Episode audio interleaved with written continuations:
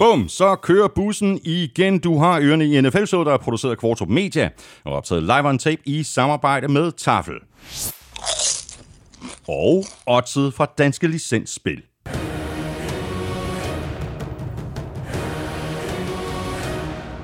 Husk, at man skal være minimum 18 år og spille med omtanke. Har du brug for hjælp til spilafhængighed, så kontakt Spillemyndighedens hjælpelinje Stop Spillet eller udluk dig via Rufus. Regler og vilkår gælder. Og så har vi også øh, Hello Fresh med som partner i dag, og hvis du ikke allerede er kunde hos Hello Fresh, så kan du blive det i en øh, fart, og du kan ovenikøbet spare en øh, hulens masse penge på dine fire første måltidskasser, helt op til 765 kroner, og det kan du, hvis du bruger vores kode FRESHNFL på hellofresh.dk. Mere om det tilbud øh, senere her i udsendelsen. Elming, hvor er det godt at se dig igen. Hvis der var gået en øh, måneds tid mere, så tror jeg næsten, jeg var kommet til at savne dig. Åh, oh, det er lige værd behov for at høre det der. Det er skønt at være tilbage, det er skønt at, at, at se på dig, og det er skønt at kunne manfløte igen her i studiet. Jeg har lige behov for, sådan du kiggede på mig med de der kærlige øjne der, og glæden, gensynsglæden strålet ud af dig. Så øh, jeg, jeg er tilbage, du er tilbage, aller, aller vigtigst. NFL er tilbage. Det bliver så fedt. Jeg har så høje forventninger til den her sæson. Ja, nu er du Fort Niners fan, så det bør du nok ikke have. Men altså. har du prøv lige at kigge på mig? Ja. Øh, kan du se, øh, hvor, hvor, hvor, hvor tynd jeg er blevet hen over sommeren? Uh, nej, ikke rigtigt. Jeg har spist linsechips, Ej. og jeg har cyklet. Wow, så jeg er blevet, ja, så, skal man, så, blevet så, så tynd. Ja, så skal man jo blive tynd. Ja, man kan godt se det på dig. Jeg tror mere, det er fordi, du er barberet, er det ikke det? Hvordan er det øh, jo øh, gået for dig og din sommer? Jeg går ud fra, at du har haft en god en af slagsen, øh, også i forhold til arbejde og Europa og Jonas Vingegaard, den gule feber. Og, øh, tillykke med de øh, flotte download-tal i Ja, det, det var fuldstændig vanvittigt. Altså, Velropa podcast øh, havde jo næsten lige så meget succes som Jonas Vingegaard. I hvert fald så vil sige, at, at Jonas Vingegaards succes på de franske landeveje, de øh, afspejler sig i den grad i vores lyttertal, fordi øh, vi rammer ofte førstepladsen i sportskategorien. Men altså under Tour de France, der lå vi 1, 2 og 5 på et tidspunkt med tre podcasts.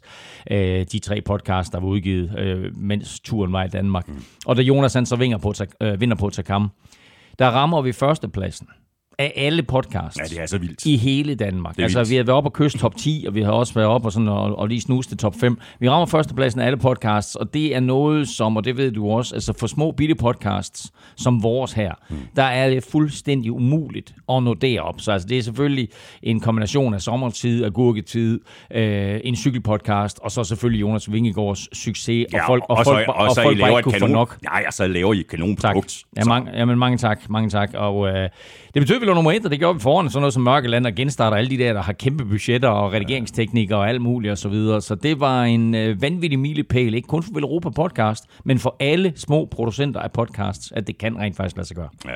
Og så øh, ruller det jo videre øh, i, jeg ved ikke, det tunge gear med øh, Danmark rundt. Øh, er jo gået i gang, ikke? På Snor Danmark Rundt gik, gik i gang i går, øh, så videre, så det, øh, det, det er også noget, vi selvfølgelig kommer til at følge med i. Øh, så, men, men prøv ikke mere cykelsnak. Hvad med dig? Har du haft en god sommer? Jeg har haft en øh, aldeles øh, fremragende sommer, tak. Øh, jeg skvattede over en kantsten på en resteplads i, øh, i Frankrig. Det skal man øh, være med. Ja, lige præcis, ja. og trykket min, øh, min ribben, men øh, udover det, øh, så har jeg haft en, øh, en rigtig god øh, Prøv, sommer. Se på den lyse det er sådan en rigtig amerikansk fodboldskade, det der, ja, det med, med, med, med trykket ribben. Så jeg tænker, det er en perfekt start på, på sæsonen for dig. Så, så kan du lige sådan sætte dig ind i, hvordan øh, øh, Debo, Debo Samuel har det. Øh, jeg, jeg, kan lide, jeg kan lide din indlevelse. Det er en god start Jamen, på jeg sæsonen. Mangler, jeg mangler en af de der NFL-sprøjter. Ja, den kunne jeg rigtig godt ja, tænke mig. Det, ja, ja, så kan du, ja, ja, så kan du løbe på brækket ben, hvis du får sådan en. exactly. Nå, ikke mere om øh, cykelsport og trykket ribben. Nu skal det handle om øh, verdens fedeste sport. NFL, sommerferien er slut. Og i dag der samler vi så op på øh, noget af det, der er sket i løbet af de seneste par måneders tid. Og så ser vi selvfølgelig også så småt frem mod den øh, kommende sæson, som heldigvis venter lige rundt om hjørnet. Du ved, hvor du finder os til alle de sædvanlige steder, og på Danmarks største og bedste fodboldsite, Gultud.dk, og selvfølgelig også på NFL.dk, hvor du jo oven i købet har muligheden for at støtte os med et valgfrit beløb ved at trykke på linket til tier.dk. Det ligger lige ved siden af linket til shoppen, hvor du kan købe lidt af vores merchandise. Lige nu der har vi rygstøtte på tier.dk fra 606 af vores gode lyttere, og tusind tak til hver en af jer. Vi kunne ikke gøre det uden jeres hjælp, og udover at være med til at sikre jer, at vi kan fortsætte med at lave NFL-showet, så har I alle chancen for at vinde en kæmpe kasse med tafelchips, når vi trækker løjet lidt senere i den her udsendelse. Jeg skal lige ligesom høre, en, en, en, undskyld, jeg afbryder dig. Ja. Hvor mange sagde du? Hvor mange sagde du 10 støtter? 606. Nej, det er, det, det er næsten pinligt. Det er næsten det, Altså, der skal vi langt, sige- langt højere op. Det skal vi. Vi skal langt højere op. Du har fuldstændig ret. Og jeg øh, tjekkede lige øh, sidste år på det her tidspunkt, der var vi over 660. Så jeg ved ikke, hvad der er sket i mellemtiden. Nej, dem, dem, folk, du er noget med kreditkort, der udløber og så videre og så videre.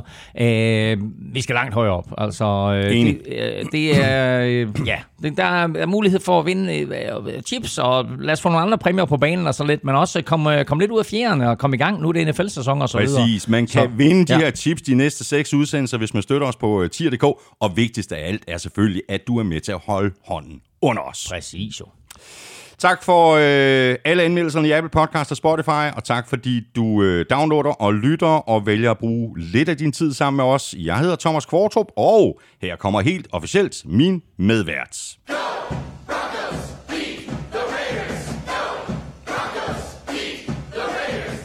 Så er vi i øh, gang, Elming. Ja, Broncos. Ja, men Elle- Elle- en af fight øh, skulle jo vælge. Der er 32 at vælge imellem. Og man kan jo sige, at der er jo gang i den i Danmark. Ikke kun i forhold Ah, til ja. Russell Wilson, men også i forhold til, at der kom nye ejere. Det er, det, det er korrekt. Det er godt, godt valg. Uh, det er selvfølgelig, hvad skal vi sige, en, et af de helt store klubskifter. Nemlig, at der er en klub, der har skiftet ejere. Og det er en af ejerne, skorstræk arvingerne til den store Walmart-formue, der har købt klubben. Walmart er sådan ligesom øh, dansk supermarked, som øh, godt nok er fra 60'erne, men sådan rigtig øh, gennem de sidste 30-40 år bare har, øh, øh, er eksploderet og, og har sådan mere eller mindre overtaget det, det amerikanske øh, supermarkedsmarked. Øh, har også ekspanderet i Mexico og i Asien og så videre. Og de har haft en øh, stor tegndreng frem. De har haft en stor tegning frem. Det er øh, Rob Walton, den ældste arvingerne, der står i spidsen for, for ejergruppen, og han har, han har købt klubben sammen med sin datter og svigersøn. Øh, men også, og, og sådan lidt interessant, så er den tidligere amerikanske udenrigsminister Condoleezza Rice med ind over som minoritetspartner. Det er også lidt sjovt. Den samlede pris er på over 4,5 milliarder dollars, svarende med øh, nutidskursen til omkring 35 milliarder kroner, øh, eller hvad der svarer til sådan en, en kvart storebæltsbro. Øh, og sådan for at sætte det lidt i relief, så er det faktisk over dobbelt så meget, som David Tepper gav for Carolina Panthers for, for bare fire år siden. Præcis, og det er også et meget godt øh, tegn på, at øh, det går forholdsvis ok for det der NFL. Man vil gerne ind, og har man kuglerne til det, så er det øh, meget øh, attraktivt at blive en del af den der lille eksklusive øh, NFL-ejerkreds med øh, 31 ejere, og så hele Wisconsin.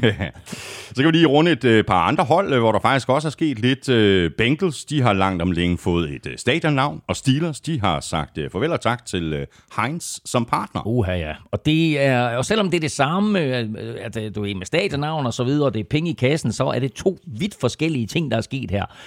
Bengals har for første gang solgt øh, deres stadionnavn. Skal vi sige, at øh, Joe Burrow bare er gaven, der bliver ved med at give. Øh, Joe Burrow kommer til klubben, Bengals kommer i Super Bowl, pludselig taler alle om dem, øh, og i år får de ikke færre end fem primetime-kampe, øh, altså kampe i den bedste sendetid mod attraktive modstandere med flest mulige seere osv.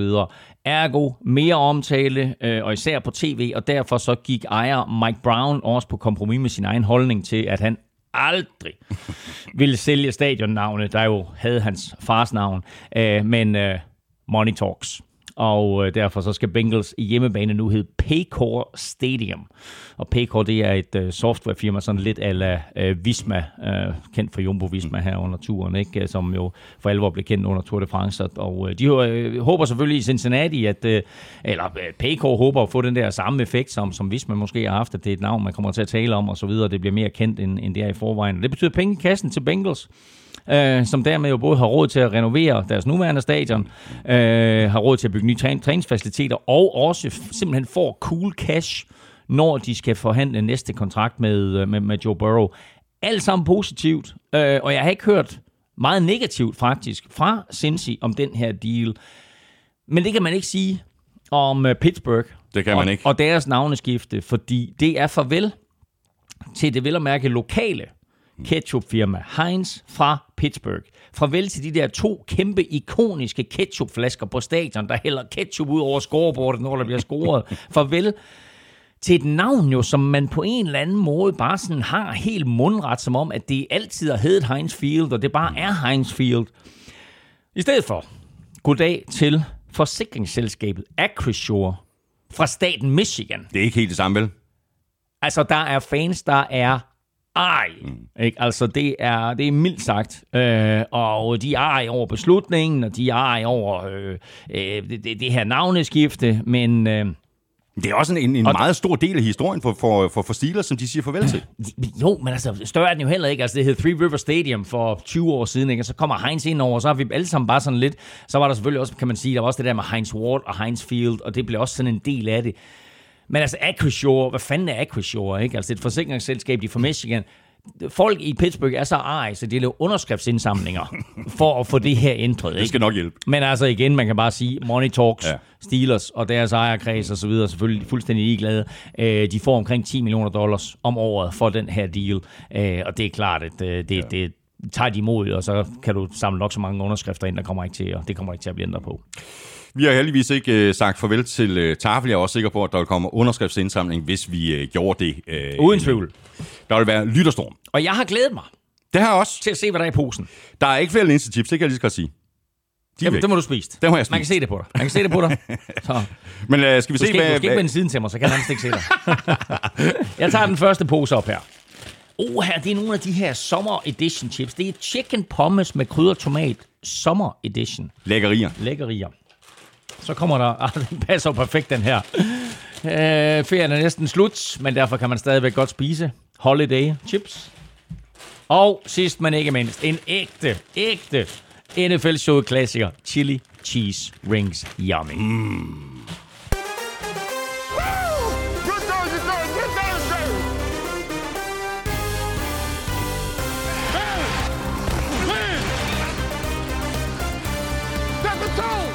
Preseason er i fuld gang, og vi har allerede fået de første skader. Jets ser ud til at slippe med skrækken i forhold til Zach Wilson. Hans skade er ikke så alvorlig som først frygtet, og operationen i går betyder, at han måske allerede kan starte i week 1.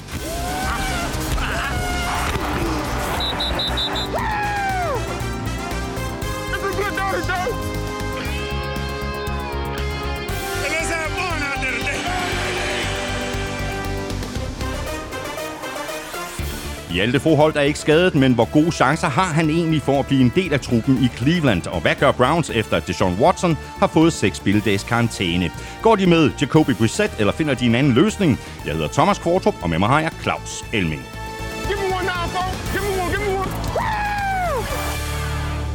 Du har pakket øh, sommer edition op. Nej, jeg har ikke pakket op. Kommer her. Nå. Jeg vil lige... Men så skal vi lige, fordi altså, klokken er jo 10-24, så kan man godt lige chip den. det kan man sagtens. Åh, oh, jamen, de, Ej, de er, er gode. De, de er, er rigtig gode. De er mm. rigtig gode. De er rigtig gode. Mm. Ja, men Chicken du... pommes med krydder tomat. Yummy. Mm. Godt. Ved du hvad, uh, Elming, der er jo uh, rigeligt at tale om. Uh, vi kan lige så godt få de uh, dårlige nyheder af vejen med det samme. Uh, der kommer ikke til at blive vist uh, amerikansk fodbold på dansk tv i år. Dermed er en æra slut. Og det er altså, uh, det er bare dårlige nyheder uh, for udbredelsen af sporten herhjemme.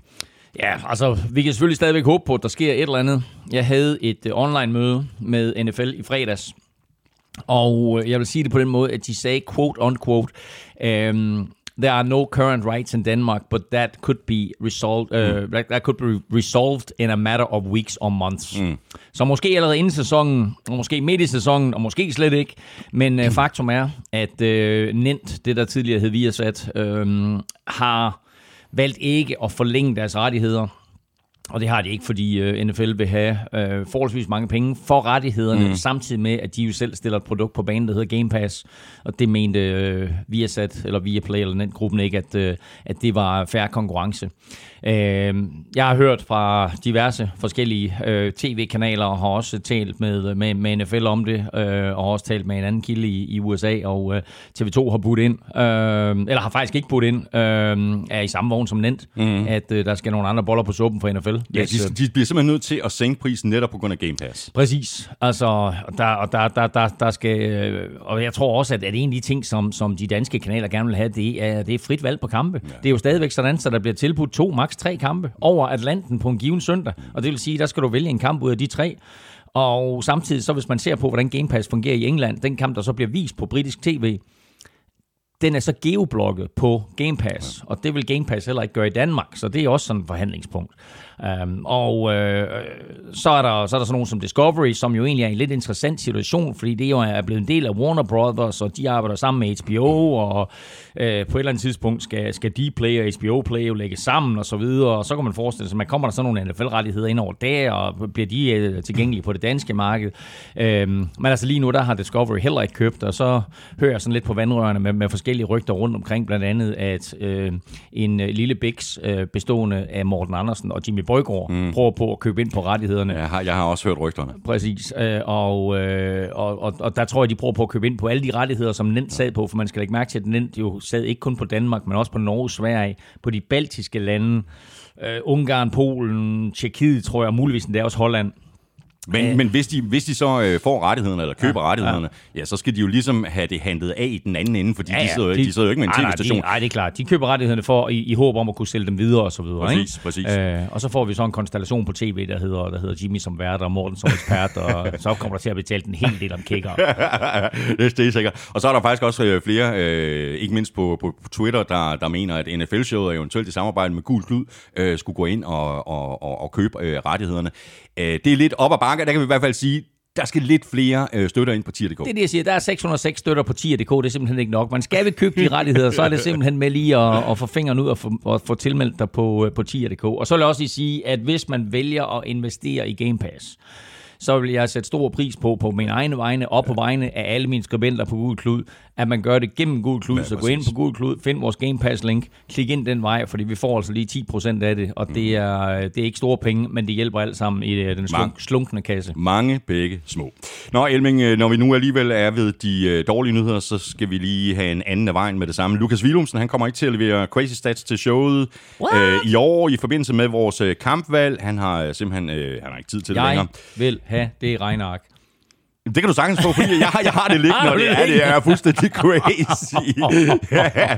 Men øh, kæmpe stor tak til, til Lukas for de seneste 5-6 år. Det har, øh, det har simpelthen været en, en sand Men må, øh, fornøjelse. Må, må jeg spørge om noget? Altså, du har regnarket. Jeg har, har Har du kigget på, har du, har du, har du prøvet på at se, hvordan tingene hænger sammen? Og er der sådan nogle, du ved, nogle... Ja, ja, ja, ja, og jeg har forsøgt at øh, finde ud af, hvordan det hænger sammen. Og selvom Lukas han har skrevet en, en hules masse forklaringer til mig på mail, ja. så fatter jeg stadigvæk ikke en skid. Ja, det kan jeg godt forestille. Det er vanvittigt, det der. Vanvittigt. Ja, fuldstændig. Altså et, et er at sige, at prøv Thomas rammer så mange kampe, og Claus rammer så mange kampe. De der fuldstændig vanvittige forviklinger omkring hold, der har vundet på udebane, og hvor mange kampe øh, de så har spillet mod AFC East, som du har ramt, når det er på udebane i minus 12 grader, er bare sådan lidt, holy, Klokken 19. holy crap. ja, og uden, øh, uden at afsløre øh, alt for meget, så arbejder vi faktisk i øjeblikket på en øh, løsning, hvor der er nogle andre, der kan overtage opgaven efter Lukas Willumsen. Lige nu der er der nogle meget nørdede typer, meget mere nørdet end du og jeg, øh, Elming, der sidder og kigger på Lucas' uh, crazy stat sheets, uh, og jeg håber, vi får en afklaring, måske allerede næste uge, på, om de er klar på at løfte opgaven.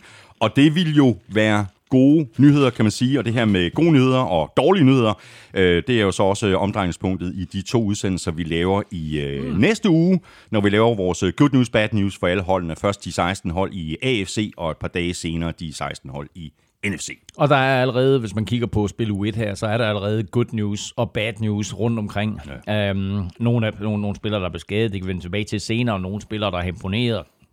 Lad til for eksempel Steelers har fundet sig lidt et guldkorn i, uh, nu vil jeg ved med at kalde ham Carl Pickens, hvad hedder han fornavn? Pickens, George Pickens hedder han det. Mm. Um, som jo bare har imponeret i camp, og ikke mindst i den første preseason kamp, og der er, der er flere andre spillere rundt omkring. Sam Howell, backup quarterback i Washington, øh, ser ud til at være the real deal, så der er altså øh, good news rundt omkring, men selvfølgelig også øh, bad news hister her, og det vender vi tilbage til over de kommende par udsendelser. Og så hopper vi i øh, nogle af de største historier fra de seneste måneder i NFL lige om lidt. Først der skal vi lige have sat gang i quizzerne. Vi skal have quizzen! Åh, oh. Det er tid til quiz, quiz, quiz, quiz. Nu sagde du quizzerne. Ja, øhm, og det er jo fordi, at øh, vi har jo øh, to quizzer. Der er en til dig, og så er der en til mig. Okay. Men øh, når vi nu er det, ved det der med de dårlige nyheder, så ja. øh, er der endnu en dårlig nyhed, fordi øh, ikke nok med, at vi nu ikke længere har Lukas Willumsen med os, så har Søren Armstrong også valgt at sige tak for nu. Han har golf på hjernen. Ja, øh, det skulle være så farligt. Ja, det er det også. Øh, ja. Han har super travlt med, med golfshowet, øh, så der kommer altså ikke flere det quizzer fra Armstrongs øh, hånd, så her skal der selvfølgelig også lyde et øh, kæmpe stort tak til øh, Søren Armstrong for indsatsen gennem de seneste, ja, jeg tror han var med os i, øh, i seks sæsoner. Jamen vanvittigt. Jeg skrev et eller andet digt, øh, en digtquiz til dig på et tidspunkt, og den greb Søren Amstrup, og så har han leveret digt, eller digtquizzes lige siden. Så øh, det, er, det har været meget øh, grundlag for stor morskab. Det har det virkelig. Ja. Nå, jamen, øh, så jeg må jo selv øh, finde på nogle øh, quizspørgsmål. Seriøst? Jo. Ja, ja. Nej, Sådan ej, nu bliver de svære jo. Amstrup, de er jo nemme. Der kommer masser af ponder-spørgsmål. Oh, ja, nej, det gør der ikke. Godt. Uh, vil du have det, øh, det første af slags? Kom med det. Ja. det, er jo, øh, det er jo helt nyt for mig. Det her. Ja, for pokker, mand. Uh, jeg leder efter to tight ends, ja. der begge stadig er aktive. Ja. De har begge vundet en Super Bowl. Ja. Blev begge to draftet i 2013. Ja. Den ene spiller stadig for det hold, der draftede ham. Det gør den anden ikke. Interessant. Okay, de har begge to vundet en Super Bowl? Ja. Og de er begge to for 13? Yes. Godt, jeg har den ene. Den anden har jeg ingen anelse om, hvad er. Når du rammer dem, så vil jeg også godt vide, øh, hvem af dem, der blev draftet først. Ja, det kan jeg stoppe nu. Det er tight ends. Det er næsten lige så slemt som Ponders. Nej, det er det ikke. Nå, ikke? Og der øh, skal du lære noget omkring quizzer. Nå. Og det er, at hvis du lægger mærke til de quizzer, jeg stiller dig, de er jo på en eller anden måde relevante i forhold til det, vi skal snakke om. Du hvad skal, hiver, hvad skal du vi snakke om? bare sådan en eller anden tilfældig tegn. Hvad skal, hvad, skal, hvad skal vi snakke om i dag? Vi skal snakke om, at 2022-sæsonen nærmer sig. Det er rigtigt. Den er lige rundt om hjørnet. Der er faktisk kun lidt over tre uger til. Og øh, der er jo flere klubber, som håber på, at deres andenårs quarterback kan tage det samme skridt, som Joe Burrow gjorde sidste år for Bengals. Ja. Desværre, så tabte han jo. Han nåede hele vejen til Super Bowl, men han tabte Super Bowl i februar. Hvilken andenårs quarterback tabte Super Bowl for præcis 10 år siden? Ah! Andenårs quarterback. Burrow tabte sidste år, eller i februar. Hvilken andenårs quarterback tabte for præcis 10 år siden? Så det er Super Bowl i 2012. 2013. Måske. Åh, oh, jeg tror ikke, at den er, den er her, ja. Kan ja, ja. Sådan der. Sådan der. Ja, okay. Ikke, godt. ikke en NFL-show-sæson uden. Kan du Nej, godt. Øhm, godt, jamen øh, Elming, øh, så er vi i gang. Øh, det er de mildt sagt også over på den anden side af Atlanten, hvor der altså for længst er blevet taget hul på øh, de her training camps. Preseason er også i fuld gang, øh, så nu begynder det sådan ligesom at ligne noget. Også med de her øh, joint practices, som jeg i virkeligheden tror, at holdene de sætter endnu mere pris på end preseason-kampene. Ja, og joint practices, det er jo, at, at to hold mødes og simpelthen træner mod hinanden. Øh, og du kan godt have ret i, at øh, de bedre kan lide dem, øh, fordi man kan sige, og især fra trænerens synspunkt, Præcis. så får de jo lov til fuldstændig at bestemme, hvilke øvelser de vil køre, og hvordan en eventuel træningskamp til sådan en træning øh, skal skrues sammen. Der behøver man jo ikke, og der kan man jo køre sådan noget, der hedder control scrimmage, hvor man simpelthen siger, uanset om du får første down eller så får du bare 10 downs. Mm, mm. Ja, så får du lov til at køre 10 spil, og så er det modstanderen, der får bolden, og scorer du touchdown, så har du stadigvæk tre spil tilbage, whatever. Øh, så på den måde, der, der, der kan man meget bedre kontrollere øh, sådan en kamp her, ikke? Øh, og kontrollere en træning. Øh, på den anden side, så sker der jo det, at der af og til opstår skamysler mellem øh, spillerne. Det skal der næsten gøre, ikke? Ja, og, og, og til tider så udvikler de sig faktisk også til, øh, til, til slagsmål. Øh, ser vi sådan på, på preseason-kampen og det, vi har set indtil videre, øh, så kan vi jo sige, at, at det er jo ganske, ganske få hold, der spiller deres starter. Det vil de jo gøre i de her joint practices, og der har quarterbacks også røde trøjer på, der ved begge mandskaber godt, dem holder man sig fra. Øhm, men altså, hvis de spiller deres starter i preseason, så er det måske en serie eller to, øhm, og det vil sige, at vi ikke rigtig får at se, om de spillere, som er på vippen, om de sådan kan klare sig mod de bedste af de bedste. Altså, det er fint nok, at en receiver har succes, Øh, altså en, en receiver, der måske kæmper for at komme på holdet, har succes mod modstandernes quarterback, 4-5-6 stykker, whatever, men hvordan klarer han sig mod Jalen Ramsey og den øh, type spillere. Øh, og det kan du faktisk se i de her fællestræninger, for der deltager alle, og du kan se, om ham der ikke, nu sætter vi sgu ham op imod modstandernes bedste corner, hvordan klarer han sig så? Og så kan man også sige, at der er nogle af holdene, som jo bruger træningskampene simpelthen til at vise spillere frem øh, for andre klubber, og så håber på at på den måde at, at kunne skabe lidt interesse for spilleren inden sæsonen. Øh, og øh, i yderste instans jo håber lidt på måske endda at kunne trade ham, i stedet for at skulle cut ham, og så få, hvad ved jeg, 4., 5., 6. runde øh, pick eller noget i den retning, hvis der er en eller anden klub, der står og mangler den type spillere. Jeg så, øh, apropos det rent faktisk, at Andy Isabella, fra Cardinals, som jo greb en bold hele sidste sæson. Han havde en øh, forrygende første øh, spiluge her i preseason, griber fire bolde, som jeg husker det, så godt ud, øh, og Cardinals skal have masser af spilletid, mm. og det er jo kun med et formål, og det er at vise alle andre, hey, øh, husk lige ham her, ham tog vi anden runde for et par år siden, han er faktisk en okay spiller, og der er en vis sandsynlighed for, at det er sådan, at, øh, at han ikke kommer på vores hold, og nogen, der tracer til ham. Så, så det er det, de gjorde med de spillere, det er der rent faktisk klubber, der gør rundt omkring. Og så er det jo så øh, desværre sådan, at øh, vi allerede har fået de første skader, og øh, heldigvis, øh, som jeg også øh, sagde i, i begyndelsen af, af udsendelsen under kendingen, så, så virker det så umiddelbart til, at Jets er sluppet med skrækken i forhold til øh, den her skade, som øh, Zach Wilson pådrog sig i den øh, første preseason-kamp. Mm. Øh, sådan en solo-ulykke. Ja. Øh, mindede faktisk en del om den, øh, som øh, Garoppolo pådrog sig i sin tid. Øh, endte altså ikke helt lige så slemt. Nej, det gjorde den heldigvis ikke. Altså han, øh, og, og igen ikke, altså det er preseason, du er quarterback, du er første quarterback, ikke? Det er ikke, du, du, du, du kæmper ikke for at komme på holdet. Hvad skal han ud og ligge og løbe for? Ikke? Han skal enten bare løbe over sidelinjen, eller slide. I stedet for, så kommer der en forsvarsspiller, så tænker han, nu løber jeg lige om ham, mm. og så får hans fod eller på en eller anden måde fat i underlaget, og han vrider rundt på knæet. Og det er altså så slemt, så han får en forstuning af knæet, plus at han får en meniskade. Ja. Og det, og, og det er heldigt sluppet, fordi de var bange for, at det var korsbåndet. Nu har han så været i Kalifornien. Det er onsdag i dag. Han blev opereret tirsdag. De første meldinger er, at det er gået rigtig godt, ja. og at han måske bliver klar til spil u 1. Ja. Men altså, der er tre en halv uge til spil u 1, så øh, jeg kan have min tvivl.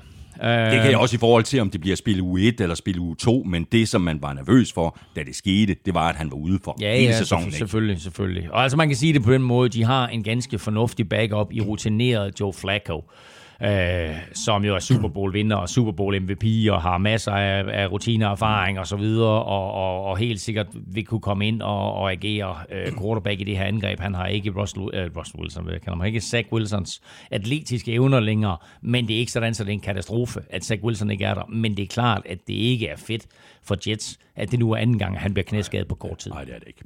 Lad os bare lige runde nogle af de andre skader, øh, og det er ikke dem alle sammen, hvor det er gået helt lige så godt, som det er med øh, Zach Wilson. Bestemt ikke. Øh, uh, center Ryan Jensen, uh, som jo var uh, Tom Bradys tro faste væbner, og selvfølgelig en af grundene til, at, uh, at, at uh, de havde så fint et samarbejde, center og, og quarterback der. Ryan Jensen uh, er ude uh, for sæsonen. Ah, måske ikke for sæsonen, det kan godt være, han kommer tilbage sidste sæson, men i hvert fald ude i uh, minimum uh, 8-10 kampe, hvis ikke mere.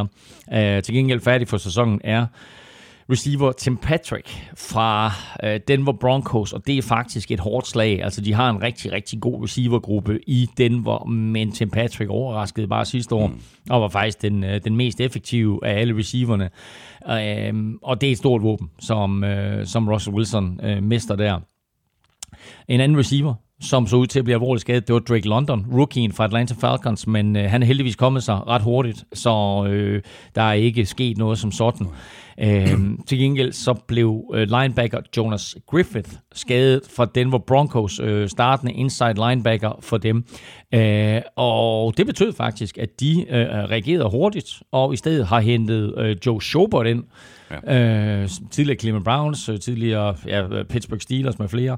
Øh, og af urensagelige årsager, så havde han ikke nogen kontrakt. Det var sådan lidt overrasket over. Der er fordi... altså nogle store navne, der stadigvæk ja, er jamen, det er der, det er der. Det kommer vi også tilbage til. Og så vil jeg lige sige, så er Malcolm Butlers comeback i England, i, i England, ja, vil mærke, men i New England, Ja, det er jo nærmest også slut, før det begyndte, fordi øh, han blev sat på injured reserve i nat, og dermed så er han faktisk færdig for resten af sæsonen.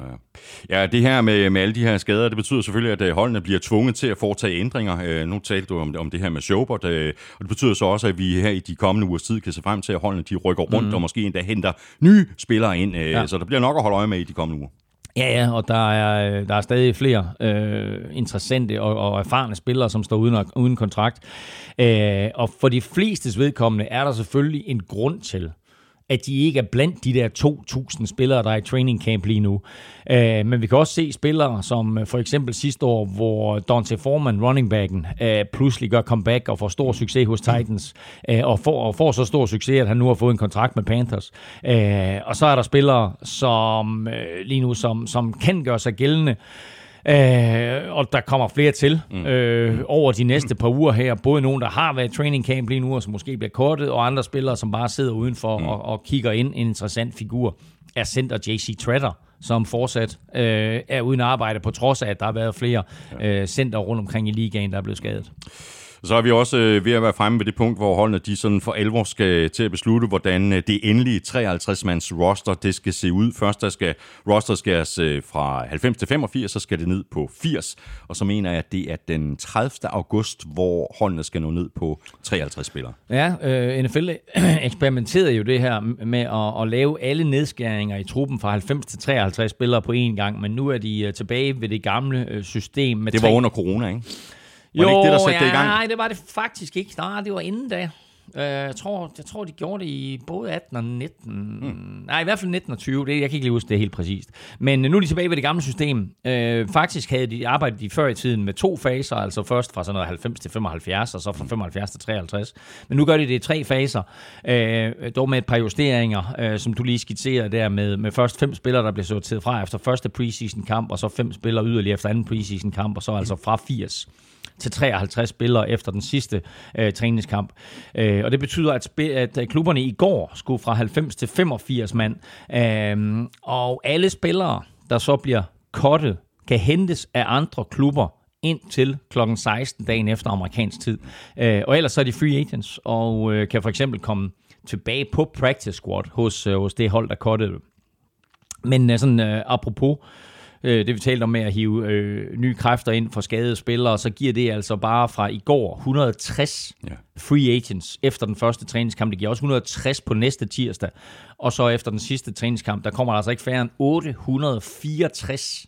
864 free agents, som jo på en eller anden måde har haft mulighed for at vise sig frem i camp, og husk på, at der er der er jo alle, alle træninger bliver optaget, så alle klubber har adgang til alle træninger via bånd øh, plus det, man nu har set i, i, i træningskampen. Ikke? Så altså de her 864 spillere... Ja, så kommer der altså gang i domino-brikkerne, fordi ja, ja. der er nogle hold, der sådan, om vi, vi mangler en cornerback, og så bliver vi nødt til at ja, ja, lade en, men, en linebacker gå, eller et eller andet. Ikke? Laver det hele sammen, så er det 1200 spillere, ja, det, der lige pludselig ved, som folk siger, okay, ham der, ham ja. der, whatever.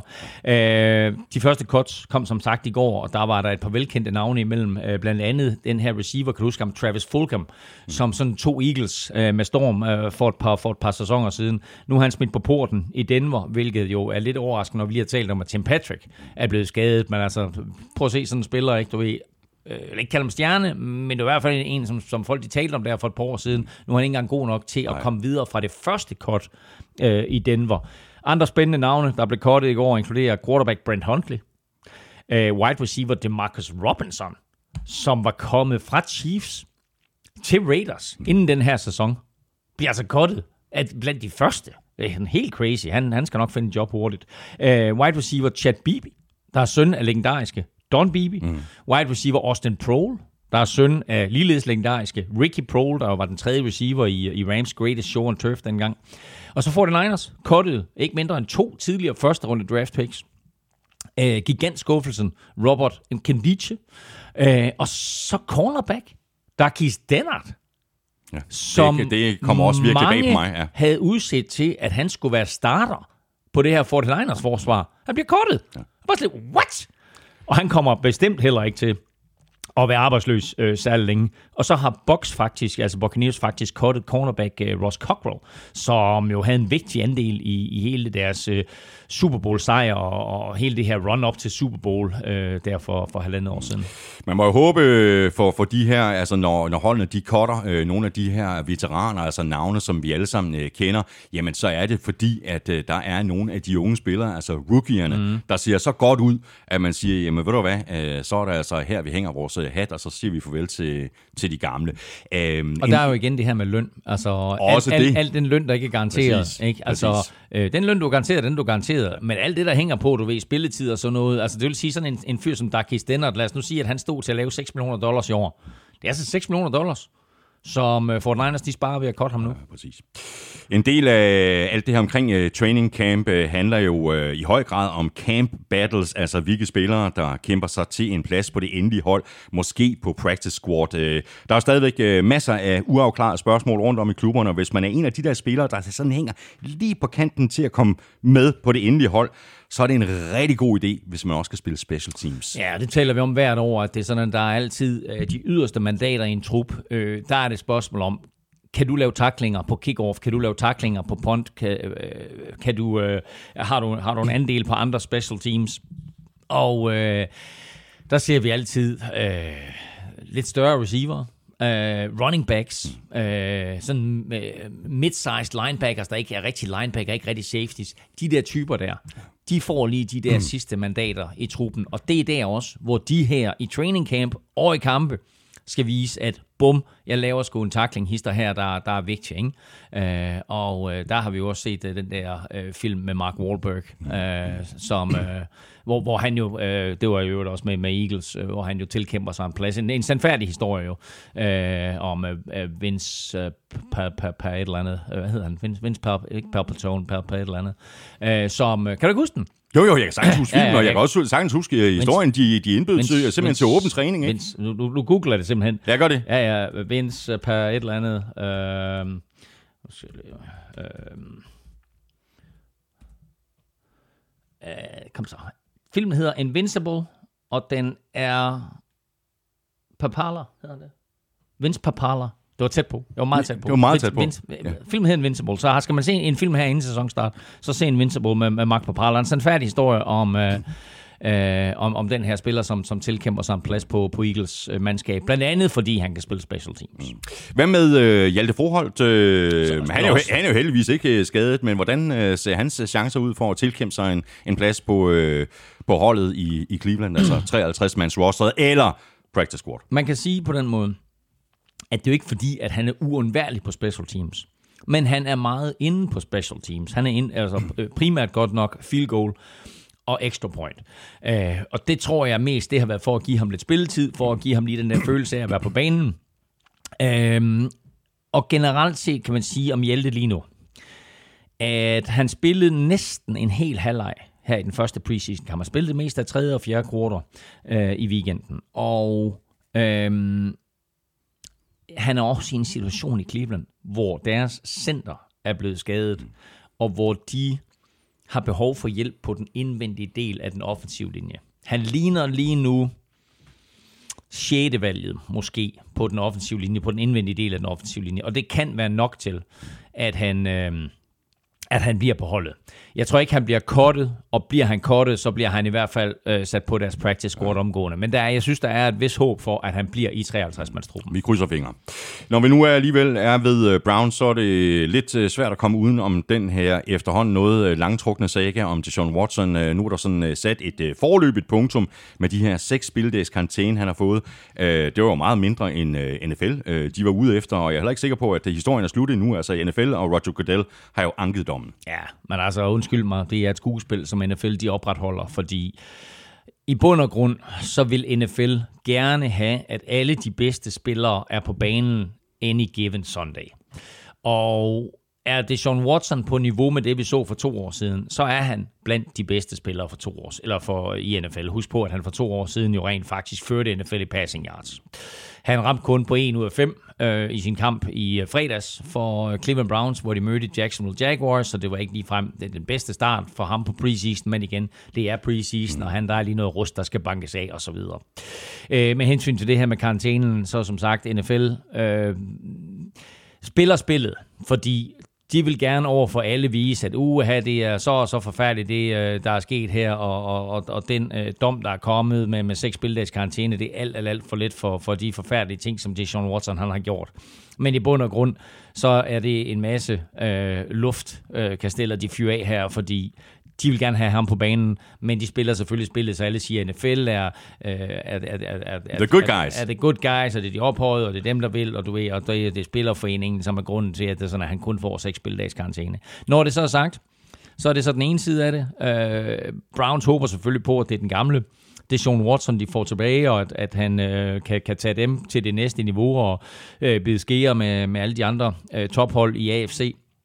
Men vi fik også en forsmag i weekenden på, hvad der kommer til at vente Cleveland Browns, fordi Jacksonville Jaguars fans til den her kamp mellem de to klubber i preseason uh, U1 uh, buede det Sean Watson ubønhørligt mm. uh, i al den tid, han var tilbage eller på banen, og Udover det, så var der også det, man på, på engelsk kalder profanity. Altså, der blev råbt alt muligt efter ham. Og det er sådan noget, at det, det skal han på en eller anden måde være i stand til, hvis han skal spille ordentligt. Uh, og, ja, kunne lukke af for. Og, og, og lukke af for og det skal resten af Browns-mandskabet også.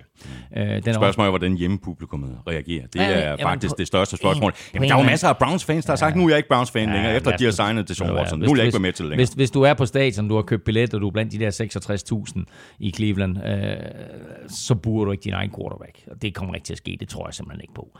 Øhm, men øh, der, er sådan en, der er sådan en stemning i truppen lige nu, med at, at de på en eller anden måde bakker op om det Sean Watson, men de også godt er klar over, at det er en udfordring. Og der var guard øh, Joel Betonio umiddelbart efter den her kamp mod Jacksonville, der var han ude at sige, at det, det er ligesom om, at det er hele verden imod Cleveland nu, og det er sådan en udfordring, vi tager på vores skuldre. Uh, men lad os nu se, hvor, hvor det her det ender. Hvad øh, gør Browns øh, i de her uger, hvor Deshaun Watson sidder ude? Altså umiddelbart så siger de jo, at det er Jacoby Brissett, de går med. Øh, mm. Spørgsmålet er, om det er holdbart. Især ved, altså lad os bare lige et, et ganske kort øjeblik, og det mm. tror du så ikke på, øh, men et ganske kort øjeblik, lad os forestille os, at den her karantæne, den bliver forlænget af, mm. øh, til det dobbelte, måske ja. øh, 12 uger. Øh, har de så ikke allerede kastet håndklædet i ringen for øh, den her sæson med Jacoby Brissett? Jeg tænker på, de kunne for eksempel overveje at signe en Jimmy Garoppolo, der jo er øh, clearet, øh, er begyndt at kaste igen. Ja, um, altså der er de her rygter om Jimmy Garoppolo, og at Cleveland er interesseret i ham. Men der er også begyndt at komme sådan nogle øh, knap så flatterende historier ud fra San Francisco om øh, Garoppolo øh, historier om hans øh, selviskhed, hans pengegriskhed og også øh, manglende vilje til at træne og forberede sig. Øh, og det er jo ikke det bedste tidspunkt, at de her rygter de kommer ud på, øh, hverken for 49ers, der selvfølgelig håber på at, at få et par mellemhøje draft picks for ham, eller for Jimmy Garoppolo, hvis han ønsker at øh, skifte græsgang og, og kickstarte, eller re-kickstarte karrieren et eller andet sted. Jeg så også godt nogle af de der historier. Spørgsmålet ja. er bare, hvor de historier de kommer fra, fordi der var også en, øh, altså Trey Lance, altså den mm. startende quarterback for ja, ja. 49ers nu, Øh, der har jo været historie hele sommeren om armfatigue, og jeg ved ikke hvad. Og spørgsmålet er, hvor alle de her historier de kommer fra, mm. fordi jeg tror ikke, de kommer inden for selve organisationen. Det virker som måske nogle tidligere trænere, eller nogen, der ja, ja. tidligere har haft øh, ja.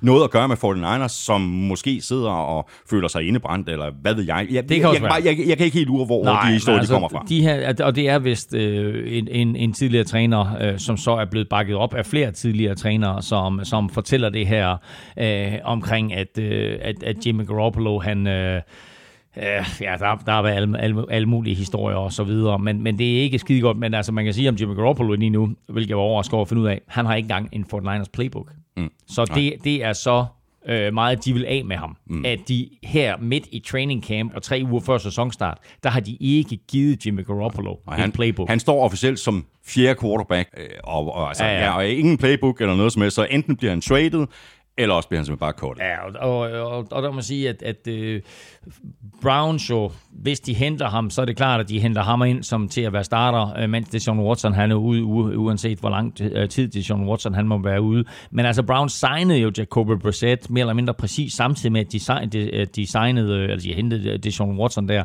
Så det har jo hele tiden været plan, mm. at han skulle spille de kampe, som Watson ikke kan. Nu er der så kommet det her i spil med, med Jimmy Garoppolo, og om det er fordi Jacob Brissett bare ikke har set særlig godt ud, eller hvad det er, det ved jeg ikke. Men det var planen, at Brissett ja. han skulle spille, men nu er det måske fordi, at prisen på Garoppolo også er gået ned. Mm. Øh, og hvad ved jeg, at måske, at det, ligesom med en Baker Mayfield, ikke, at vi ser, at øh, prisen, det vil sige, hvor, hvad, hvad skal du give af draft picks, kan de få ham for, lad os sige, et fjerde runde eller femte runde pick, plus sender 49ers nogle penge med i røven på ham. Ikke? Præcis. Det, øh, ja. det er måske pludselig blevet attraktivt for Cleveland. Mm. Seahawks øh, kunne måske også være en mulighed. Altså, de øh, kan vælge mellem øh, to backup quarterbacks, sådan som det ser ud lige nu. Altså, Gino Smith og Drew Lock. Ja. Altså, de, er, altså, de bliver ikke, hvis du ser på, på, på ratings over quarterback, så er de ikke blandt de 32. Det er Garoppolo trods alt. Ja, ja, helt sikkert. Men altså, øh, som sagt, det er den her historie med, at, at øh, altså, hvor en af historierne er, at, at han underskrev sin kæmpe kontrakt med, med 49ers på, var det 130 millioner dollars, eller hvad det var. Øh, og mere eller mindre i det øjeblik, at han havde øh, smilet for sidste gang til pressens kamera, så forsvandt han, og så hørte de ikke fra ham i flere uger. Han tog ikke telefonen, han skrev ikke tilbage på sms'er fra, fra trænerne, og da, da træningslejren den så startede, så kom han ind, øh, fuldstændig uforberedt. Og det var vist angiveligt ikke bare én gang, og nu igen, som du siger, det kan være indebrændte trænere, der kommer med det her, men det er trods alt historier, som, som lige pludselig florerer. Øhm, og hvis det er sandt, så kan det jo godt være, at der er hold, der trækker følehornene tilbage. Og så har jeg siddet og tænkt lidt, at man kan jo spørge sig selv om, hvorfor Bill Belichick i sin tid med en aldrende Tom Brady var villig til at sende Jimmy Garoppolo til Fort Liners for et anden runde pick. Altså havde Belichick allerede dengang øh, lurede faresignalerne. Man kan sige, at han jo som, på, som, som regel på forkant med tingene. Så han godt, at der er et eller andet her, som jeg ikke kan arbejde med. Altså, der er en indstilling til, hvordan man agerer øh, uden for banen og i, i, i træningsfaciliteterne og, og forberedelser osv., som jeg ikke kan arbejde med. Og så sagde han, ham der, ikke? Han er en fin spiller, han har et uh, million dollar smile, men han kommer ikke til at spille fodbold for mig. Det er simpelthen vildt med alle de historier i NFL, og det handler selvfølgelig ikke kun om uh, Garoppolo, det handler om uh, øh, 32 hold og, og en hulens masse spillere og trænere, der har været i organisationer nu og andre steder.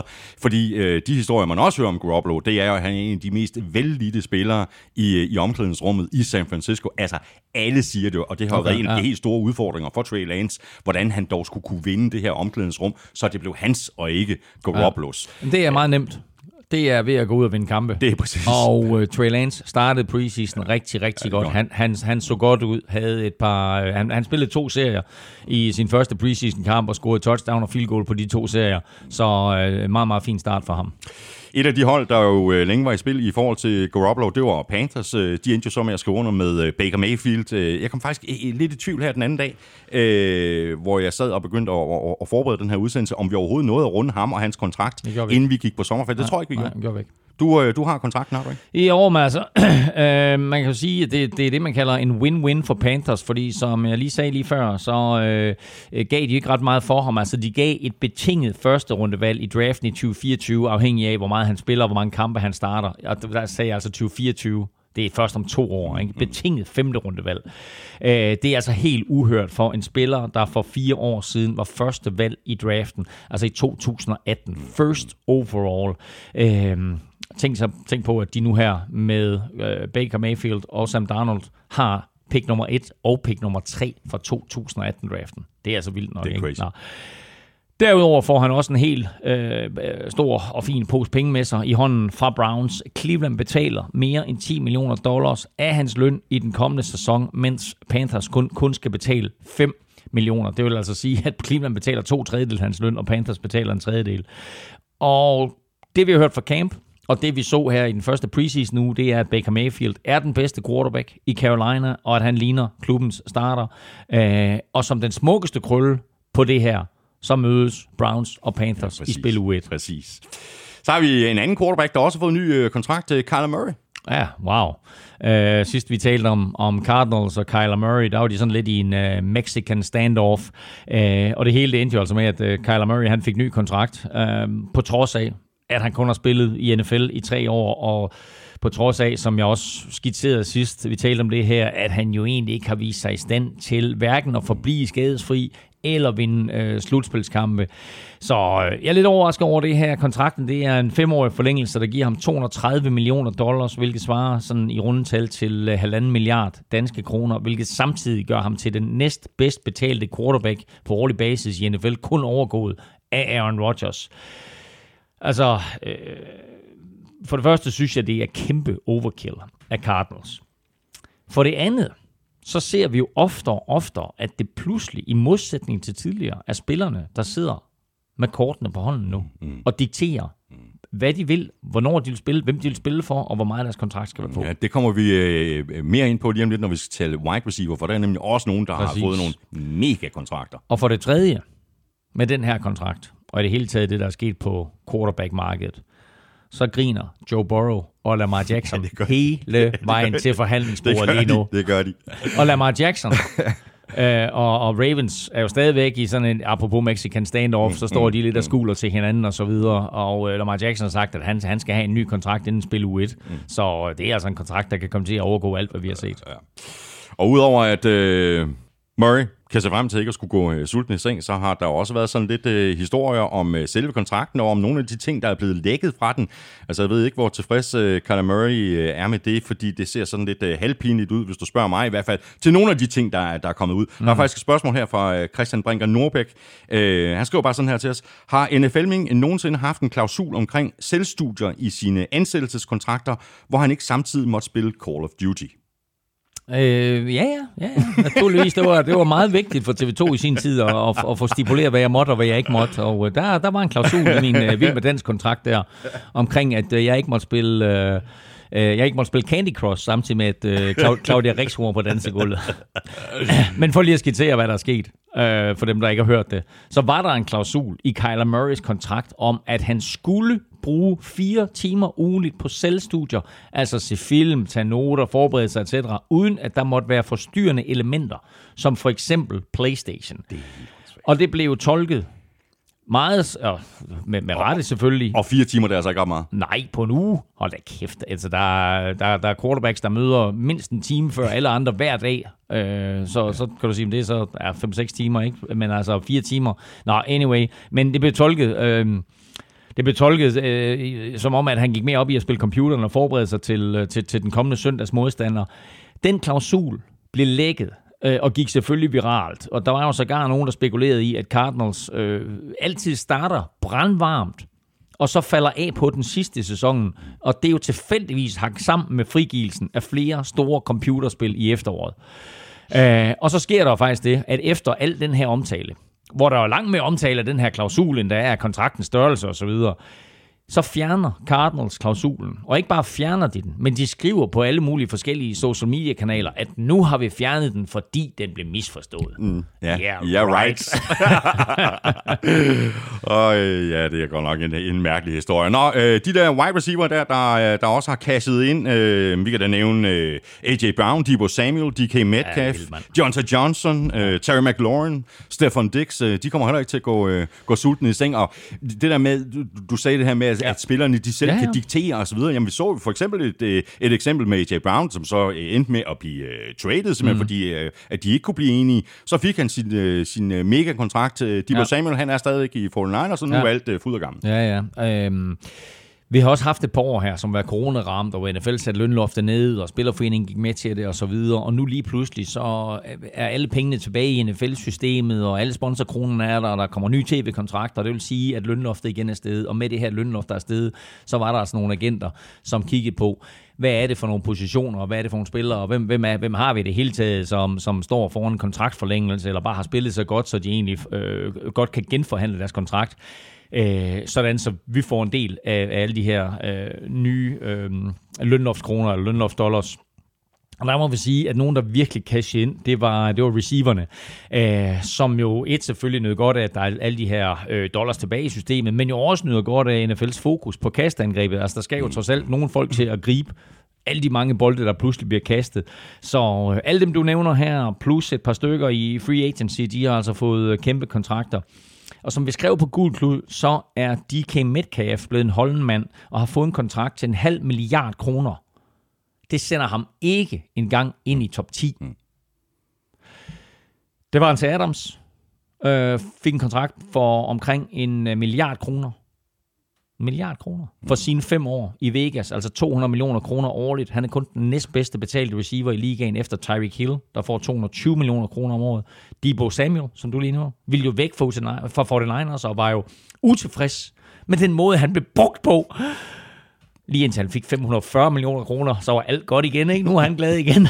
og så er der AJ Brown, som jo vil væk fra Titans, ryger til Eagles, og fik præcis 100 millioner dollars, eller omkring 735 millioner kroner for fire år.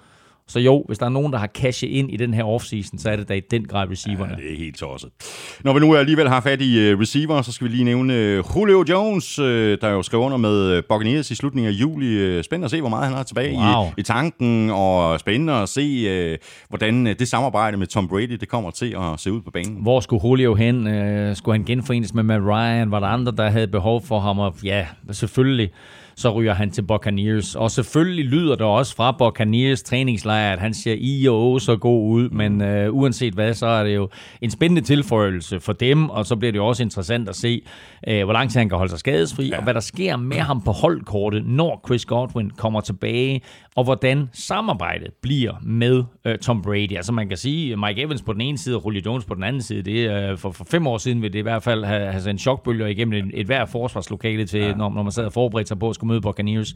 Spørgsmålet er, hvad Julio han er tilbage. Mm. Men altså, mm. de siger, at han ser mm. godt ud, øhm, og jeg tænker, du ved, at det vil være vigtigt for ham at, at få nogle reps, altså nogle gentagelser, mm. noget træning sammen med Tom Brady, og derfor er det jo også en lille bitte smule underligt, at Tom Brady synes, at det er okay, at han lige napper det, der bliver kaldt 14 dages personlig planlagt fritid. Sådan midt i bokstræningslejr.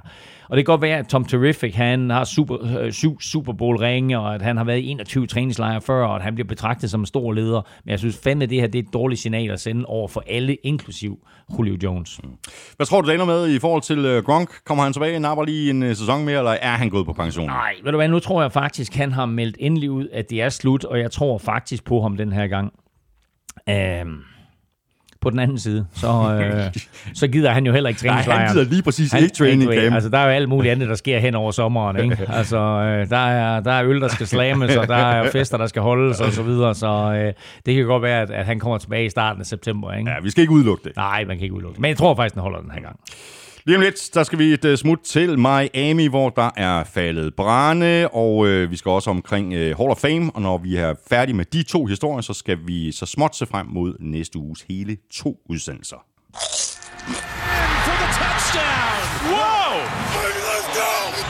Ugen spiller præsenteres af Tafel.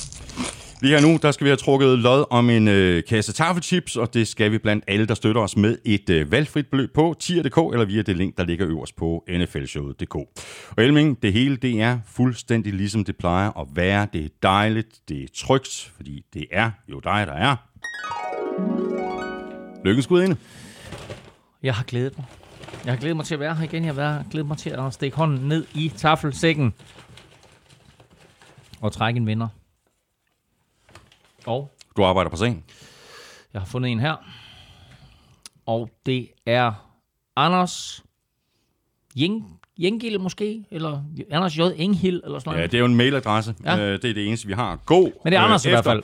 Anders Jenghild. Ja, Jenghild, ja, det ved jeg heller ikke. Øh, Anders, øh, tusind øh, tak for støtten på øh, tier.dk. Tillykke til dig. Øhm, og, og tak til alle, der, der støtter os, og endnu en gang øh, sender vi opfordringen ud om, at øh, der er flere, øh, der signer op på øh, tier.dk, så bliver chancen for at vinde godt nok øh, mindre, men øh, sådan, sådan er det jo. Og øh, Anders, øh, jeg sender dig en øh, mail lidt senere i dag, når jeg så har fået din øh, postadresse øh, retur, så sender jeg den videre til Tafel, hvor øh, jeg, jeg ved ikke engang, øh, øh, hvem der skal sende øh, gevinsten afsted til dig. Frederikke, a.k.a. Snack Weapon, hun er nemlig gået på barsel, What? så vi er ude i endnu en rokade på Tafel. Kan man sige det på den måde, at... Nej, jeg vil ikke, jeg vil ikke gå ned den vej. Jeg var ved at lave en joke om snack weapon, det gør jeg ikke. Godt, det hopper vi over. Øh, uanset hvem, der er trådt ind i stedet for Snack Weapon, så øh, kan du, Anders, altså allerede nu godt begynde at glæde dig til at modtage din øh, gevinst. Vi gør det her igen i næste uge, hele to gange. Så hvis du ikke støtter os på øh, tier.dk endnu, så skulle du tage at gøre det. Så har du i hvert fald givet dig selv chancen. Og nu skal det handle om uh, Dolphins, der har fået et uh, gok oven i nøden. Ejeren Steven Ross, han har fået en bøde på 1,5 millioner dollars, eller det, der svarer til cirka 11 millioner kroner. Han har karantæne til og med 17. oktober. Og så har uh, Dolphins endnu værre fået frataget deres uh, første rundevalg i næste års draft, og det har Dolphins, fordi de uh, angiveligt og imod reglerne har forsøgt at værve Tom Brady i to omgange både da han var i Patriots, men også efter han skiftede til Buccaneers, og så har Dolphins Sørm også forsøgt at hapse Sean Payton, da han var head coach i New Orleans. Så det der, øh, det må man ikke, øh, Elming, det er det der øh, på NFL-sproget hedder tampering. Præcis. Tampering eller ulovlig kontakt, og det er, når man tager kontakt til en spiller eller træner, øh, der stadig er på kontrakt andet sted. Og det må man ikke i NFL. Vi ser det jo faktisk øh, ellers altid i forbindelse med free agency, hvor de jo derfor i NFL har været nødt til at indføre den her lovlige ulovlige kontaktperiode. Men uden for den, så er al kontakt øh, forboden. Og der kommer den her vanvittige historie frem i vinter. Øh, om at Brady trækker sig tilbage. Og grunden til, at han trækker sig tilbage, det er for at blive medejer mm. af Dolphins. Og i det øjeblik, han så er medejer af Dolphins, så vil han så gøre comeback og så vil Buccaneers få svært ved at sige, du skal stadigvæk spille for os. Du har stadigvæk på kontrakt hos os, men du, spiller, du, du er godt nok medejer af en anden klub. Og så var planen så, at de skulle fritstille ham, og så skulle han så spille for Miami Dolphins. Så kommer hele det her sagsanlæg fra Brian Flores omkring både racisme og måske noget med, at han er blevet tilbudt penge for at smide kampe. Og den sag overtager jo fuldstændig mediebilledet, og derfor så falder hele det her Tom Brady-projekt sammen for, for Dolphins om, at han skal over, og han skal, han skal have en del af klubben, eller købe sig til en del af klubben. Og så bliver det lækket. Og det er jo en vanvittig historie, som der er blevet gjort alt, alt, alt for lidt ud af. Og i stedet for, så, så prøver Tom Brady jo så desperat at se, om han kan komme til 49ers eller et eller andet, men Buccaneers, de står fast og siger nej, du er på kontrakt hos os, og det er du indtil du har opfyldt den kontrakt. Vi kommer ikke til at fritstille dig, vi kommer ikke til at trade dig. Så nu er han tilbage øh, hos Buccaneers, og det er han selvfølgelig med et stort smil, falsk eller ikke, men øh, øh, Bruce Arians er væk. Uh, han, han er trådt tilbage som træner, men er så i organisationen et eller andet sted, hvor det sådan, at han har fået en eller anden mindre rolle. Uh, og Brady, som sagt, på en eller anden form for miniferie her midt i training camp. Så nice, jeg synes, nice jeg synes det er helt vanvittigt, det her. Men... Uh, det er, altså, øh, det er altså Miami, som har forsøgt at, at, at tage kontakt til ham der, og hele den der historie falder jo så sammen. Øhm, eller øh, ja, øh, ja hele, hele, hele ideen falder sammen mm. for, for, for Dolphins. Ikke? Øhm, men at det, de har forsøgt at få fat i Brady, koster dem jo altså så nu et første runde pick til næste år, og deres tredje runde valg i 2024, samtidig med, som du fortæller, så får ejer Steven Ross altså en bøde på 11 millioner dollars, øh, eller 11 millioner kroner. 11 millioner kroner. 11 millioner kroner, halvanden million dollars er det. Øh, og så må han i øvrigt ikke komme til sit eget holds kampe, NFL-kampe, før i spil uge 7. Mm. Men øh, så kan Ross øh, og Arsenal Dolphins organisation så i det mindste glæde sig over, at der ikke blev fundet beviser for øh, den her beskyldning, som Brian Flores øh, rettede mod, altså det her med, at han var blevet tilbudt penge for at tabe kampe øh, med vilje. Det er i hvert fald konklusionen på NFL's egen undersøgelse, hvor de skriver øh, i rapporten, Uh, the Dolphins did not intentionally mm. lose games during the 2019 season. And no one at the club, including Mr. Ross, instructed coach Brian Flores to do so. Um, Brian Flores har efterfølgende udsendt en presmeddelelse, hvor han skriver, at han er skuffet over afgørelsen, og han mener, at han har indgivet nok bevismateriale til, at den sag burde være mm. endt anderledes. Men uh, igen omkring det her med det spil, som NFL de spiller, ikke? Fra NFL's synspunkt, så er tampering jo en lille bitte ting, og den straffer de hårdt og uha, og de tager et draft pick og så videre, og så får du en bøder. Ej, du må heller ikke komme på stadion i seks kampe. Og jeg skal du af med 11 millioner kroner, det er jo greb i lommen. Det er en greb i lommen for ham. Men det ville være en kæmpe skandale, hvis det var sådan, at der havde været matchfixing. Og det skal faktisk ind under græstæppet så hurtigt som muligt. Skal det nemlig lige præcis. Elming, øh, lad os øh, lige runde den her del af med øh, Hall of Fame og de otte nye navne, der blev indlemmet i Canton, Ohio ja. den 6. august. Ja, øh, der var jo den her Hall of Fame-kamp, øh, som åbnede hele sæsonen, øh, og øh, i forbindelse med Hall of Fame-kampen, der var der selvfølgelig Hall of Fame Weekend, og der var otte øh, nye personer, der blev optaget. Fem af det, man kalder modern era øh, kandidater, og så øh, tre legender, øh, som alle sammen er kommet i, i Hall of Fame.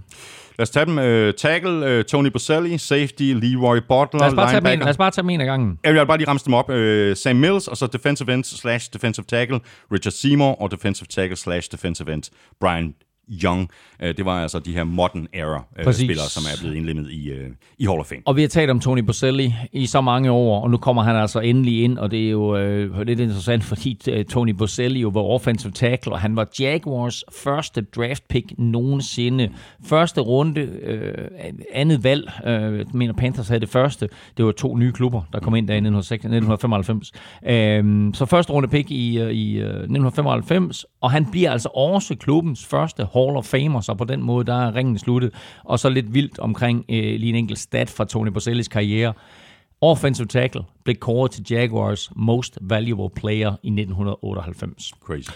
Leroy Butler, safety, som mange selvfølgelig kan huske fra hans tid med Packers, vandt Super Bowl 31 med Packers, hvor han lavede syv taklinger og havde et enkelt sack, øh, da Packers de vandt 35-21 over øh, Patriots. Valgt til årtidets hold i NFL for 1990'erne, og Leroy Butler, mest kendt for nok at have opfundet The Lambo Leap. Og derfor så hedder hans Twitter-profil også noget med Leap øh, 37, eller hvad nummer det nu har han spillet med. Øhm, men øhm, manden altså, med, med, der opfandt The Lambo Leap, så når vi ser The Lambo Leap, så er det altså Leroy Butler, der stod for den. Øh, Sam Mills, super spændende spiller, som øh, desværre øh, er gået bort, er jo død af kræft her for et par år siden. Linebacker, som kun var 176 cm høj, og det var vel at mærke på en god dag og med, mm-hmm. med de lange knopper på. Øh, og det begrænsede jo NFL-holdenes interesse i ham. Øh, men da han først fik chancen med Saints efter en karriere i USFL, så blev han en stjerne. Øh, så kom han sent i sin karriere til Panthers. Han spillede der blot i tre år, blev efterfølgende træner for klubben. Øh, men det betød Øh, og så gik han så bort til, til kræft, som sagt. Øh, men hans impact på klubben der, og på trods af den korte tid, han var der, betød, at de rejste en statue af ham, som, som stadigvæk står foran stadion. Så er der Richard Seymour, defensive lineman. Uh, grunden til, at jeg siger lineman, det er, fordi han var sådan både defensive end og mm, defensive mm. tackle. Uh, vanvittig, vanvittig spiller. Altså små to meter høj, 140 kilo plus. Uh, men på trods af den her størrelse, jo vanvittig hurtig. Og holder stadig Patriots-rekorden for det længste fumble return i klubbens historie på 68 yards i 2004. Han vandt tre Super Bowls med Patriots, og han sluttede karrieren med Raiders og blev valgt til øh, årtidets hold øh, for, for nullerne, altså fra, fra 2000 til 2010. Velfortjent. Meget velfortjent. Øh, fantastisk spiller, som jeg havde æren af at møde en enkelt gang. Så er der Brian Young, øh, ligeledes øh, defensive lineman eller defensive tackle. Øh, som en af de få spillede han hele sin karriere for den samme klub. Han var 14 år i Fort Niners, øh, lavede 89,5 sacks, hvilket er ret vildt for en defensive tackle. Øh, og så lavede han to safeties i 1996, altså i samme sæson, hvilket stadigvæk er en tangering af NFL-rekorden. Der er aldrig en spiller, der har lavet tre safeties i en sæson, så han holder altså stadigvæk den rekord. Og så vandt han Super Bowl 29 sammen med Fort Niners over Chargers, og også valgt til årtidets hold i, øh, i NFL i 1990'erne. Så øh, det, var de, øh, det var de fem modern era kandidater. Og så har vi legenderne. Her har vi wide receiver Cliff Branch, coach Dick Vermeil og øh, official Art McNally. Ja, og lad os starte med, med Cliff Branch, der wide receiver, som, som burde have været i Hall of Fame for mange år siden, ja. men, øh, men altså først få æren nu, spillet for Raiders i, fra, fra 72 til 85, 14 sæsoner og 182 kampe verdensklasse sprinter på det tidspunkt, og faktisk for den, for den skyld også stadigvæk i dag, øh, løb 100 meter på 10 sekunder rent, så super hurtigt. Han spillede som sagt 14 år, 182 kampe og scorede 67 touchdowns, altså over en tredjedel af kampene, han scorede uh, touchdown i. Og så vandt han tre Super Bowls med Raiders, og han må være en af de aller, aller første spillere i NFL. Jeg har ikke tjekket op på det, men han må være en af de aller første spillere, der har vundet øh, tre Super Bowls. Uh, Dick Vermeil kender de fleste selvfølgelig. Uh, træner uh, førte Eagles til klubbens første Super Bowl, uh, som de dog tabte, men det Super Bowl 15, uh, som de tabte til, til Steelers. Men uh, gjorde comeback og førte Rams til sejr i Super Bowl 34 uh, med The Greatest Show on Turf. Um, trak sig tilbage og gjorde så comeback for Chiefs, mm. hvor han jo blandt andet var træner for, for Morten Andersen, og de to jo blev ganske gode venner. Uh, og selvom det var tæt på, så kom de jo aldrig i Super Bowl sammen. Øh, udnævnt til årets træner to gange med 20 års mellemrum. 1979 og 1999, så en, en meget markant træner. Og sidst, men ikke mindst, Art McNally, altså official, eller dommer, om man vil, var selv dommer i ni år i NFL, men mest kendt for øh, den tid, han havde bag kulisserne, fordi han styrede NFL's dommerkontor fra 1968 til 1991. Øh, så skiftede han liga over til det, der hedder World League, som var sådan et NFL-eksperiment, kom tilbage i, i kulisserne hos NFL, og var der øh, heroppe indtil for ganske, ganske få år siden. Og han er kendt som the father of instant replay. Det var simpelthen ham, der tænkte systemet, det var ham, der opfandt systemet, og det var ham, der fik det implementeret. Justeret hister her, men det replay, som vi kender i dag, det kommer fra Art McNally. Godt gået, Art. Og Elming, inden vi ser frem mod de to udsendelser i næste uge, og inden vi skal have nogle øh, forhåbentlig rigtige svar i øh, quizzerne, så skal vi lige omkring Hello Fresh, verdensførende leverandør af måltidskasser, pakket med friske overvarer, leveret lige til døren og super nemt at gå til. Og Elming, det her med, at øh, det er nemt og hurtigt og lige til at gå til, det er jo noget... Øh, som jeg ved, at du sætter øh, stor pris på, så jeg går ud fra, at øh, du har haft øh, godt gang i øh, HelloFresh-kasserne hen over sommeren her, hvor du har haft travlt med, øh, med Veloropa-podcasten og Tour de France, som måske ikke har haft så voldsomt god tid til at stå og lave mad. Jamen altså, jeg har jo svært ved at sige nok gode ting om Hello Fresh. Jeg synes, det er vanvittigt nemt. Jeg, jeg bruger den kategori, som hedder nemt og hurtigt. Øh, og det er retter, som tager sådan mellem 20... Nogen kan faktisk helt til 15 minutter, men altså mellem 20 minutter og 30 minutter cirka. Fordi det, det er sådan lidt det, jeg kan overskue, du ved, lige lynhurtigt ind. Og, og det er altså stadigvæk, det er ikke kun til en enkelt person. Du kan stadigvæk lave mad Ja, ja, her til fire personer på Ja. en halv time. Ja. Og det er lækkert, det er varieret, der er fisk, der er kød, der er, øh, hvad hedder det, kødfri retter også, hvis man vil have det. Øh, og jeg prøver sådan på at vælge en, en fiskeret hver uge, nogle kødretter, og så en kødfri ret hver uge. Øh, og jeg synes, variationen af det er super ja, lækkert. er lige præcis øh, fantastisk. Der er 18 måltider at vælge imellem. Og så, ja, jeg ved ikke, om du har set den nye kampagne fra HelloFresh, det er den, der hedder et om dagen, altså som opfordrer os alle sammen til at spise i hvert fald et måltid mad med hinanden hver dag. Altså vi spiser altid aftensmad øh, sammen herhjemme. Øh, når man bor alene, øh, som, som du gør, øh, Elming, så er det jo nødvendigt at invitere nogen til at spise med. Øh, og der er det jo også rigtig smart, at man bare kan justere på sin måltidskasse, hvis man ved, at man får gæster. Præcis. Altså, du, øh, nogle uger kan du bestille... Øh, lad os sige tre måltider, andre uger kan du bestille fem måltider. Du kan også sige, okay, jeg, jeg, jeg får flere mennesker til spisning, og så kan man bestille ekstra portioner. Så øh, der er masser af muligheder, og man kan også sende kassen et andet sted hen, hvis man har behov for det. Øh, eller sætte den på pause, hvis man øh, lige har en enkelt uge, hvor man for eksempel laver et eller andet, som for eksempel laver på Smukfest. Øh, og der vil jeg sige, at der, øh, der, der fik jeg også god mad over, men det var ikke helt, hvad skal vi kalde det, så sundt, som det man får med, med HelloFresh. Der er øh, med andre ord masser af god grund til at blive kunde hos øh, HelloFresh. Det er nemt, det er hurtigt, der er ikke noget madspild. Kassen kommer på det aftalte tidspunkt. Man øh, pakker lige det hele ud, når kassen den kommer, sorterer varen. Det er helt tydeligt, hvilke varer, der skal i køleskabet, og så er der ellers legnet op til nem mad i det antal dage, og til det antal personer, man har bestilt til. Hvis du endnu ikke er kunde hos HelloFresh, så kan du blive det i en øh, ruf, og du kan ovenikøbet spare en masse penge på dine fire første måltidskasser, helt op til 765 kroner. Og det kan du, hvis du går ind på hellofresh.dk og bruger vores kode FRESHNFL. Du hænger ikke på noget som helst. Du kan altid melde fra igen, og du kan uden problemer, som Elming også lige sagde, holde pause, hvis du skal ud og rejse, eller hvis du simpelthen bare har andre madplaner. HelloFresh.dk er adressen. Brug vores kode FRESHNFL og spar helt op til 765 kroner. Nå, Elming, øh, nu er vi så småt ved at være ved vejs inden for i dag, inden vi skal have øh, svarene i øh, quizzerne, så kan vi lige se lidt frem mod næste uge, hvor vi jo laver hele to udsendelser. Vi laver de her good news, bad news udsendelser.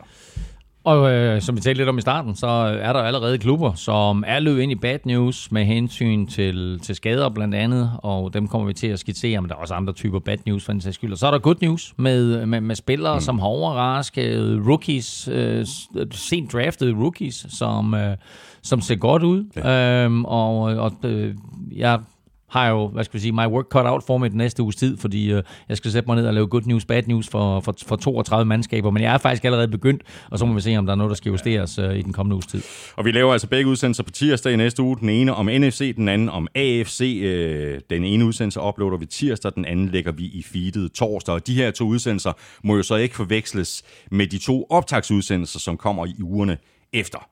Og det, det, bliver jo, øh, det bliver jo interessant også. Altså, der må vi se, om, om vi kan holde os på under tre timer per konference. Ja, der, er- der er rigeligt at tale om, og så øh, runder vi selvfølgelig øh, alle optagsudsendelserne af med en øh, frisk power ranking, simpelthen lige i øh, ugen op til øh, kickoff. Vi skal have quizzen! Åh, Det er tid til quiz, quiz, quiz, quiz, quiz. Nå, Elming. Øhm, er det mig, der skal svare på øh, din quizzer først? Det må du gerne. Altså, kort fortalt, en anden års quarterback tabte Super Bowl i februar. Ja.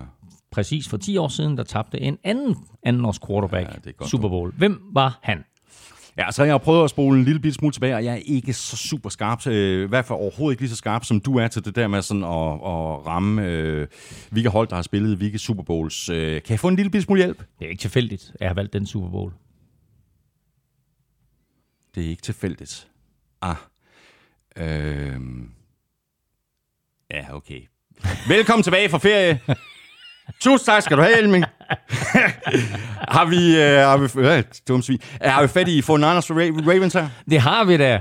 Jamen, så er det jo øh, så er det Kaepernick. Så er det, så er det Colin Kaepernick. Colin Kaepernick. Colin Kaepernick spillede for Fort Niners. Han er anden års quarterback. Han overtog for Alex Smith midt i sæsonen og holdt fast i starterjobbet, og var faktisk meget, meget tæt på at vinde den Super Bowl med i, øh, efter et, et vanvittigt comeback. Men øh, det blev altså... Efter et lys var gået efter lyset var gået, og der var pause i 47 minutter eller noget i den retning i pausen. Øh, en, øh, en hændelse, som Ray Lewis jo efterfølgende mente, øh, øh, og bragte diverse konspirationsteorier frem omkring, at det var NFL's forsøg på at få Ravens til at tabe. Men Ravens vandt kampen 34-31. Og jeg vil ikke sige, at jeg gav dig et lille hint tidligere, men jeg sagde, Joe Flacco, da vi talte øh, om New York Jets, og det faktisk, ja. han kunne starte i spil 1, tidligere Super Bowl MVP. Ja, det er rigtigt. Hvis, For det, hvis det var det hint, så, så Ej, får jeg det var hen over hovedet på Det var et meget lille, meget lille hint, men altså, skulle du måske have sagt, at det var det er et hint. men han, øh, han vandt, han vandt uh, Super Bowl med Ravens her, og, øh, og blev Super Bowl MVP. Men det var også den sidste kamp for Ray Lewis og for Ed Reed, der kunne trække sig tilbage på Ja. toppen. Men prøv at se, øh, så sagde du jo det her med, at nu skulle jeg til at gøre mig umage med sådan at, ligesom at, at, ikke bare sådan øh, stampe quizspørgsmål op, øh, op af mulden, ikke? Altså, du er tilbage i 2013 her. Hvad gik mit spørgsmål på? Det var to Titans, der blev draftet i 2013. Var er det helt tilfældigt, Nej, det kan det ikke være. Det kan det ikke være. Så, uh, to tight ends, der blev draftet i 2013, som begge to har vundet Super Bowl. Den ene med sin nuværende klub, Yes. og den anden ikke. Ja. Ham jeg Han, han, spiller ikke i den klub. Altså, den ene spiller spiller Præcis. i en anden klub, Nej, så jeg er nødt der til, draftede jeg er nødt til at sige Travis Kelce. Det er fuldstændig uh, korrekt. Ja. Det er den ene. Og så har jeg meget svært ved at komme på den anden tight end. Mm-hmm. Øhm, Han få- blev draftet i anden runde. Ja, det gjorde Kelsey også, som jeg Travis husker. Kelce blev draftet i toppen af tredje runde. Det er han blev, det var rigtigt, han var tredje runde, ja. Det er rigtigt. Wow. Nå, okay, så han blev draftet i... Ja, ham med mangler, som har skiftet klub, han blev draftet i anden runde. Ja. Åh, oh, det ved jeg ikke. Vil du have klubben, der draftede ham? Ja, Eagles. Eagles draftede ham. Så er det Zach Ertz. Det er så Er det fuldstændig korrekt. Wow. Ej, dejligt. Og hvor er han? Han er i Cardinals nu. Det er han. Ja. ja. Det var det, Elming. Tak for i dag. Jamen, det var da skønt. Fantastisk. Ja. En fornøjelse. Fuldstændig ligesom det plejer at være. Ja, men prøv at høre, øh, altså, øh, at sidde her og lave NFL-showet, det er det, der fortæller mig allermest, at nu er NFL-sæsonen lige rundt om hjørnet. Præcis. Og det her med, at øh, uh, NFL kommer tilbage, det er virkelig øh, uh, plasteret på såret over, at sommeren er ved at være, være slut. Men det er et godt stort plaster. Ja, ja, og nu lad lige sige omkring den sommer her. Nu har vi haft så dejlig en sommer med så behagelig temperatur. Hvad fanden skal det til at være så varmt for? Fuldstændig som en sauna herinde. Godt, øh, vi gør det igen i næste uge. Vi laver altså hele to udsendelser på tirsdag. Den ene, den bliver lagt op øh, på selve dagen, altså i, øh, på tirsdag, og den anden, den øh, uploader vi så et par dage senere, torsdag eftermiddag. Tak fordi du lyttede med. Hvis du synes om det, vi laver, så skulle tage og give os en anmeldelse og nogle stjerner et af de steder, det er muligt. For eksempel i Apple Podcast eller i Spotify. Du kan også støtte os med et valgfrit beløb på tier.dk, eller via det link, der ligger øverst på nflshow.dk. Det ligger lige ved siden af linket til shoppen, hvor du kan købe lidt af vores merchandise. Tak til alle, der allerede har shoppet, og et øh, ekstra stort tak til de nu 606 af jer, der støtter os på tier.dk. I er med i lodtrækningen om en øh, kæmpe kasse med taffelchips i de kommende uger frem mod øh, sæsonstarten. Kæmpe stort tak også til vores øh, gode venner og samarbejdspartnere fra Tafel og Odset fra Danske Licens Spil. Husk at støtte dem. Øh, de støtter nemlig os, og i forhold til øh, Odset, Husk, at man skal være minimum 18 år og spille med omtanke. Har du brug for hjælp til spilafhængighed, så kontakt Spillemyndighedens hjælpelinje Stop Spillet eller udluk dig via Rufus. Regler og vilkår gælder. Husk også lige at tjekke øh, tilbuddet fra HelloFresh. Du kan nemlig spare helt op til øh, 765 kroner på dine fire første måltidskasser, og det kan du, hvis du bruger vores kode FRESHNFL på hellofresh.dk.